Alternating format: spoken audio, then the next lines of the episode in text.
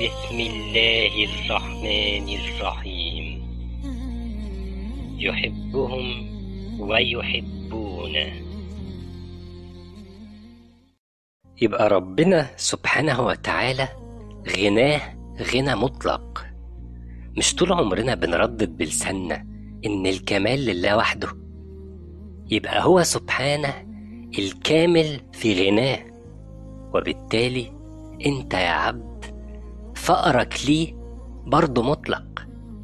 تخيل بقى إن أنت كعبد لله عندك حالة كمال واحدة بس وهي حالة الفقر المطلق لله سبحانه وتعالى.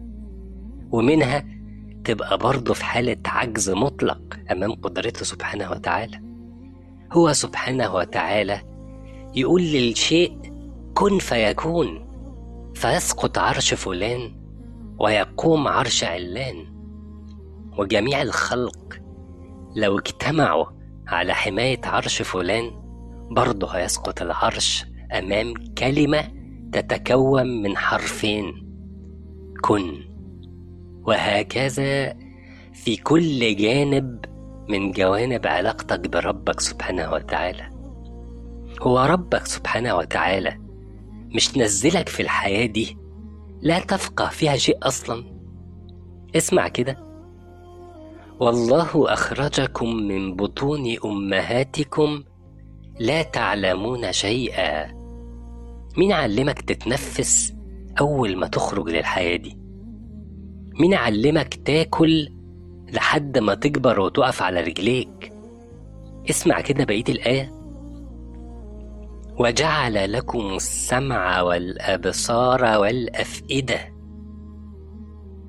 وجعل لك ودان تسمع بيها وعينين تشوف بيها وقلب وعقل. ليه يا رب كل الحواس دي؟ اسمع بقية الآية. لعلكم تشكرون علشان تشكره على نعمه علشان تنتبه انت قد إيه فقير ليه. سبحانه وتعالى. هو أنا ليه عمال أكلمك عن فقرك لله سبحانه وتعالى؟ وإيه علاقة ده بموضوعنا الأصلي؟ إن ديننا ده بيتحارب علشان في حاجات مش موجودة في أي دين تاني. أصل بعض البشر بعد ربنا سبحانه وتعالى ما أنعم عليهم بكل الحواس دي وبعد ما سخر لهم كون كامل لخدمتهم من مية وهواء وحيوانات وطيور وأرض وزرع وغيره وغيره وغيره قرروا إنهم ليهم في ملكه نصيب. يعني قرروا إنهم ينازعوه في ملكه. إزاي بقى الكلام ده؟ هو أنت لما تقرر إن واحد من عباده مهما بلغت مكانة العبد ده لما تقرر إن العبد ده ابنه. يبقى أنت كده مش تعديت على ملكه؟ لما توجه عبادتك للعبد ده يبقى أنت كده أديت حق السمع والأبصار والأفئدة اللي إحنا كنا لسه بنتكلم عنهم؟ لما بعد ربنا سبحانه وتعالى ما يسترك ويستر ذنوبك تقوم رايح لعبد زيك زيه فقير لله ويمكن أفقر منك لربه. فتروح للعبد ده وتعترف له بذنوبك وتفضح نفسك قدامه وتطلب منه يتوسط لك عند ربنا سبحانه وتعالى أو عند عبد تاني أنت بتدعي إنه ابن ربنا. أنت كده مش بتتعدى على ملك ربنا سبحانه وتعالى؟ بقى هو ده شكر الحواس والنعم اللي ربنا سبحانه وتعالى مغرقنا فيها من يوم ما نزلت للدنيا هو ده شكرك ليها؟ سبحانك يا رب أنت الصبور. طب أنت دينك بقى فيه إيه؟ يخلي أعداء الدين حاقدين عليه قوي بالمنظر ده. أقول لك أنا بقى. في عبد بجد عليه الصلاة والسلام رغم إنه أشرف العباد أشرف إيه؟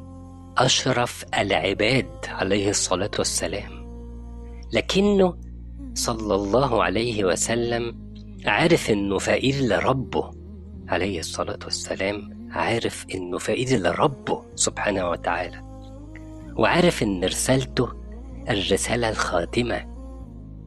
وبالتالي عارف إن ربنا سبحانه وتعالى لن يسمح بتشويهها أو تحريفها فعلم أتباعه إيه؟ اسمع كده. أنا محمد عبد الله ورسوله. ما أحب أن ترفعوني فوق منزلتي التي أنزلني الله عز وجل.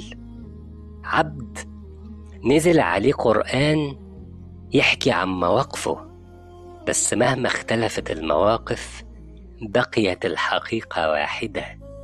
إنه صلى الله عليه وسلم عبد الله ورسوله. ففي مقام زي رحلة الإسراء والمعراج مثلا اللي هو قمة الشرف. تنزل الآية تقول إيه؟ سبحان الذي أسرى بعبده ليلا. وفي مقام التعبد والدعاء هو برضه صلى الله عليه وسلم عبد لله. فربك سبحانه وتعالى يقول وأنه لما قام عبد الله يدعوه كادوا يكونون عليه لبدا. أصل صلى الله عليه وسلم كان لما يقوم يتعبد ويصلي لله ويقرأ القرآن الجن كانوا بيتراكموا عليه علشان يسمعوا القرآن من حلاوته.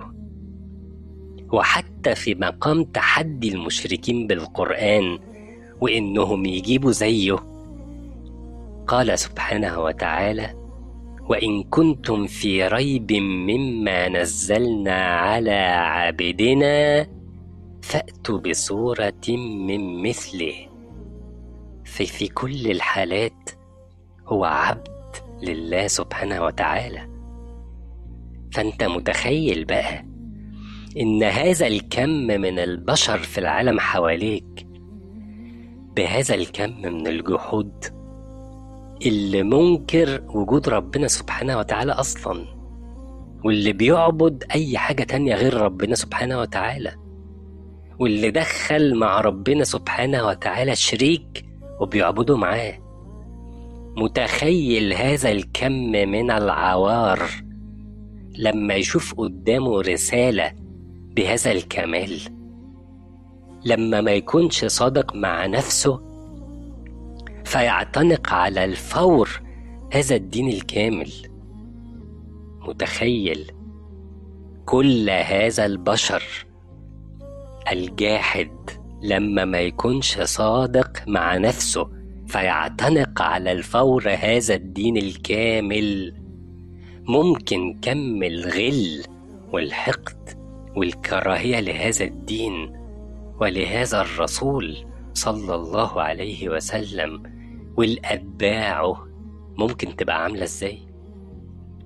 وللحديث بإذن الله بقية. فاللهم لك الحمد على نعمة الإسلام وكفى بها نعمة. رب اغفر وارحم وأنت خير الراحمين.